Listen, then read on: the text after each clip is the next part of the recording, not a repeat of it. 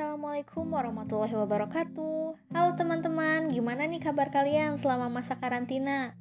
Semoga kita semua sehat selalu ya Oh iya, selamat datang di podcast Hukum Islam Jumpa lagi dengan saya, Dewi Rifani Andrian Dari Pendidikan Kewarganegaraan kelas PKN 2019A Dengan NIM 191692 Teman-teman tahu nggak sih apa itu yang dinamakan sumber hukum Islam?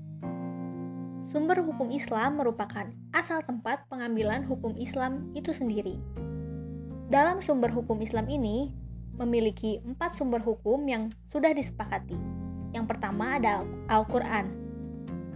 Al-Quran merupakan sumber utama bagi umat Islam karena berisi tentang kalam Allah yang diturunkan langsung kepada Nabi Muhammad SAW melalui malaikat Jibril secara berangsur-angsur. Al-Quran sendiri berasal dari kata kara'a yang artinya mengumpulkan atau menghimpun. Yang kedua ada sunnah. Sunnah secara bahasa artinya cara yang dibiasakan atau terpuji. Secara istilah, sunnah merupakan semua yang bersumber dari Nabi Muhammad SAW. Sunnah merupakan sumber Islam yang kedua yang disepakati setelah Al-Quran. Lalu yang ketiga ada ijma. Ijma dari segi bahasa merupakan sepakat, setuju, atau sependapat. Menurut istilah, ijma adalah kesepakatan seluruh ulama mujtahid dari kaum muslimin pada suatu masa setelah wafatnya Rasulullah SAW atau suatu hukum syara. Kemudian, hukum Islam yang keempat yaitu kias. Secara etimologis, kias artinya mengukur atau membandingkan sesuatu dengan yang semisalnya. Secara istilah, para ahli usul fikih mendefinisikannya sangat beragam. Misalnya menurut Imam Syafi'i, setiap kejadian atau peristiwa yang terjadi pada seorang muslim pasti ada hukumnya dan ia wajib mengikuti nas. Apabila ada nasnya dan apabila tidak ada nasnya dicari dari permasalahannya di atas jalan yang benar dengan ijtihad. Dan ijtihad itu adalah kias. Lalu selain keempat sumber hukum Islam yang sudah disepakati tersebut, ada juga delapan sumber hukum Islam lainnya yang masih diperdebatkan oleh para ahli. Yang pertama ada al-istishab, Secara lugawi, istishab dimaknai dengan suhbah, artinya membandingkan sesuatu kemudian mendekatkannya.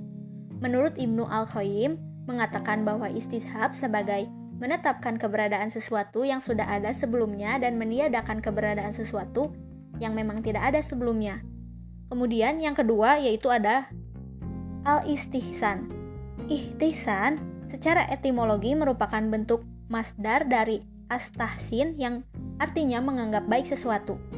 Secara istilah, istihsan merupakan berpindah dari suatu hukum yang sudah diberikan kepada hukum lain yang sebanding dengannya, karena ada sesuatu sebab yang dipandang lebih kuat. Yang ketiga yaitu ada maslahah al-mursalah. Secara bahasa, maslahah al-mursalah terdiri dari dua kata yaitu maslahah yang artinya mendatangkan kebaikan serta al-mursalah yang artinya diutus atau dikirim. Menurut istilah ahli usul, Maslahah al-mursalah artinya kemaslahatan yang tidak disyariatkan dalam wujud hukum. Dalam rangka menciptakan kemaslahatan, di samping tidak ada dalil yang membenarkan dan menyalahkannya. Yang keempat ada al-urf. Secara etimologi, al-urf berarti sesuatu yang dipandang baik dan diterima oleh akal sehat. Secara terminologi, menurut Abdul Karim Zaidan, urf berarti sesuatu yang tidak asing lagi bagi suatu masyarakat karena telah menjadi kebiasaan dan menyatu dengan kehidupan mereka baik berupa perbuatan ataupun perkataan. Kemudian yang kelima ada mazhab sahababi. Mazhab sahababi adalah pendapat sahabat Rasulullah SAW tentang suatu kasus di mana hukumnya tidak dijelaskan secara tegas di dalam Al-Quran dan hadis. Yang keenam ada syar'u man kablana. Syar'u secara etimologis berarti mengalir. Syar'u man kabla artinya hukum-hukum Allah yang dibawa oleh para nabi atau rasul sebelum Nabi Muhammad dan berlaku untuk umat mereka pada zaman itu. Yang ketujuh ada sadu zarai. Sadu zarai artinya mencegah sesuatu yang menjadi jalan kerusakan atau menyumbat jalan yang dapat menyampaikan seseorang pada kerusakan. Yang kedelapan yaitu ada dalalatul iktiron. Secara bahasa, dalalatul iktiron artinya dalil yang bersama-sama. Secara istilah, artinya dalil yang menunjukkan bahwa sesuatu itu sama hukumnya dengan sesuatu yang disebut bersama-sama. Nah, itu dia teman-teman penjelasan dari saya. Terima kasih telah menyimak podcast ini. Dadah teman-teman.